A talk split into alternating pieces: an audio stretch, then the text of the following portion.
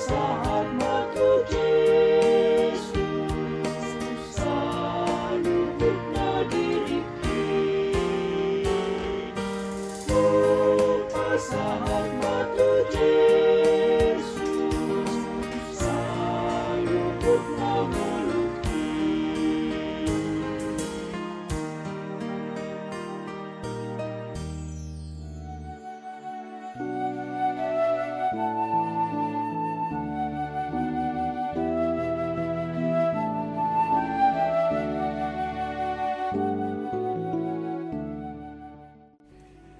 Renungan Harian HKBP Romangun, ikutlah aku, Minggu Septuagesima, 13 Februari 2022, dengan judul Diberkatilah orang yang mengandalkan Tuhan.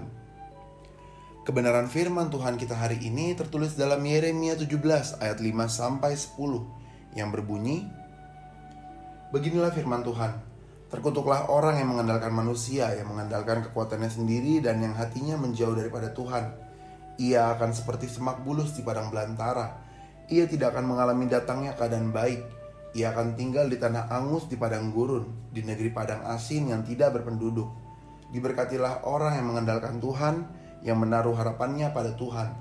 Ia akan seperti pohon yang ditanam di tepi air Yang merambatkan akar-akarnya ke tepi batang air Dan yang tidak mengalami datangnya panas terik. Yang daunnya tetap hijau Yang tidak khawatir dalam tahun kering Dan yang tidak berhenti menghasilkan buah. Betapa liciknya hati Lebih licik daripada segala sesuatu. Hatinya sudah membatu Siapakah yang dapat mengetahuinya? Aku Tuhan yang menyelidiki hati Yang menguji batin Untuk memberi balasan kepada setiap orang Setimpal dengan tingkah langkahnya Setimpal dengan hasil perbuatannya. Demikian firman Tuhan. Yeremia yang bertugas di Israel Selatan atau Yehuda Hukuman telah dibuatkan bagi mereka tentang kehancuran bangsa ini akibat dosa. Yeremia menjadi yakin bahwa Tuhan akan menjatuhkan hukuman atas Yehuda, sehingga Yehuda akan mengalami kerugian yang hebat yang disebut berasal dari Asyur dan Babel. Walaupun nubuat sudah diberikan, besar harapan Yeremia kiranya Yehuda bertobat. Kenyataannya justru mereka berpaling dari Allah dan berharap kepada Mesir untuk menjamin mereka dari rongrongan bangsa lain. Mereka lebih mengandalkan manusia daripada mengandalkan Tuhan. Mengapa kita harus mengandalkan Tuhan Yesus dalam hidup ini? Sedikitnya ada alasan mengapa orang percaya tidak boleh mengandalkan manusia. Karena manusia dapat mengecewakan. Manusia sering kali ingkar kepada kata-kata dan janjinya sendiri. Ada begitu banyak orang yang dengan mudah mengucapkan janji-janji manis, namun semudah mengucapkan janji, semudah itu pula janji itu terlupakan karena manusia memiliki kemampuan yang terbatas.